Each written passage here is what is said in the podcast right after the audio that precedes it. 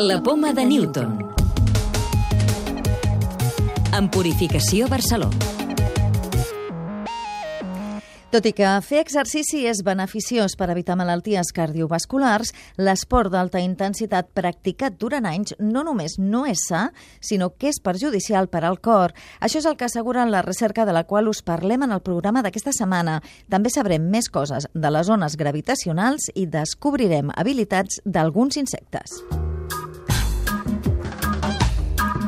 Un estudi fet durant 5 anys per la investigadora i cardiòloga Begoña Benito demostra que l'esport d'alta intensitat dispara els riscos cardíacs i incrementa la probabilitat de tenir una arrítmia. La investigació va començar quan van detectar pacients joves i esportistes amb aquesta patologia. Vèiem que cada cop venien més a la nostra consulta pacients que tenien certs tipus d'arrítmies, però pacients que no complien el perfil típic dels nostres malalts. Aquests eren uns pacients joves i que tenien en comú que eren molt esportistes. La recerca s'ha fet en ratolins sotmesos durant 16 setmanes a entrenament intens, un temps que seria equivalent a 10 anys en humans. Després d'un entrenament crònic, aquestes rates desenvolupaven uns canvis en l'arquitectura del teixit cardíac, teixit com de cicatriu, com si el teixit hagués patit una agressió. Vam veure que sí, que efectivament les rates sotmeses a exercici crònic tenien més susceptibilitat a desenvolupar arrítmia. I l'estudi es va fer després en humans, amb conclusions sorprenents. Esportistes esportistes de molt alt nivell, a la llarga i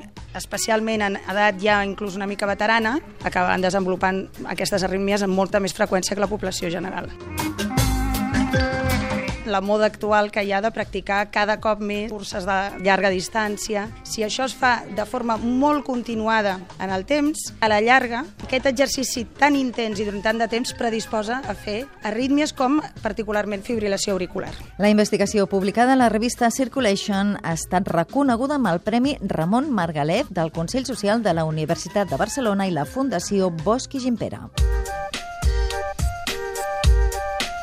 La detecció d'ones gravitacionals ens pot permetre obtenir informació del mateix naixement de l'univers. És l'opinió de l'astrofísic i Premi Nobel Kipe Sathorn, impulsor de l'experiment LIGO, que al febrer del 2016 va aconseguir detectar per primera vegada aquestes ones. Penetra a través de la matèria amb una potència tal que podria ser creada amb el Big Bang i viatjar fins a la Terra sense haver estat absorbida per la matèria. De fet, és l'única forma de radiació amb la que podem estudiar el Big Bang mateix.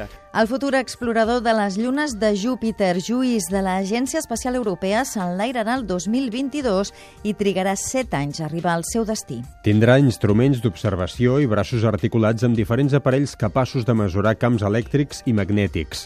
També disposarà de càmeres que portaran informació sobre el gel de les llunes i que permetran determinar la possible existència d'oceans d'aigua líquida subterrània. Ser bilingüe pot retardar fins a 4 anys l'aparició de demències com l'Alzheimer, segons un estudi d'investigadors canadencs. Aquests científics han comprovat en 91 malalts monolingües i 93 bilingües que les persones que parlen més d'una llengua tenen més capacitat per canviar de tasques mentals i amb més rapidesa. I això els aporta una reserva cognitiva que endarrereix l'aparició de l'Alzheimer dels 71 als 75 anys de mitjana. La clau de volta.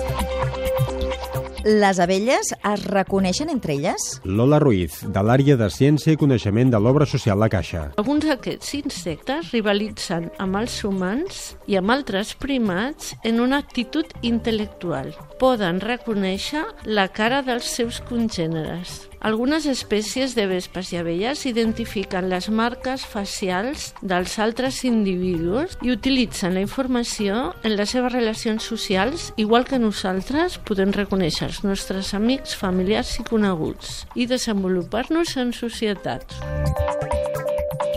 Recordeu que ja podeu descarregar-vos el podcast de la Poma de Newton o subscriure-us al programa per rebre'l directament als vostres dispositius.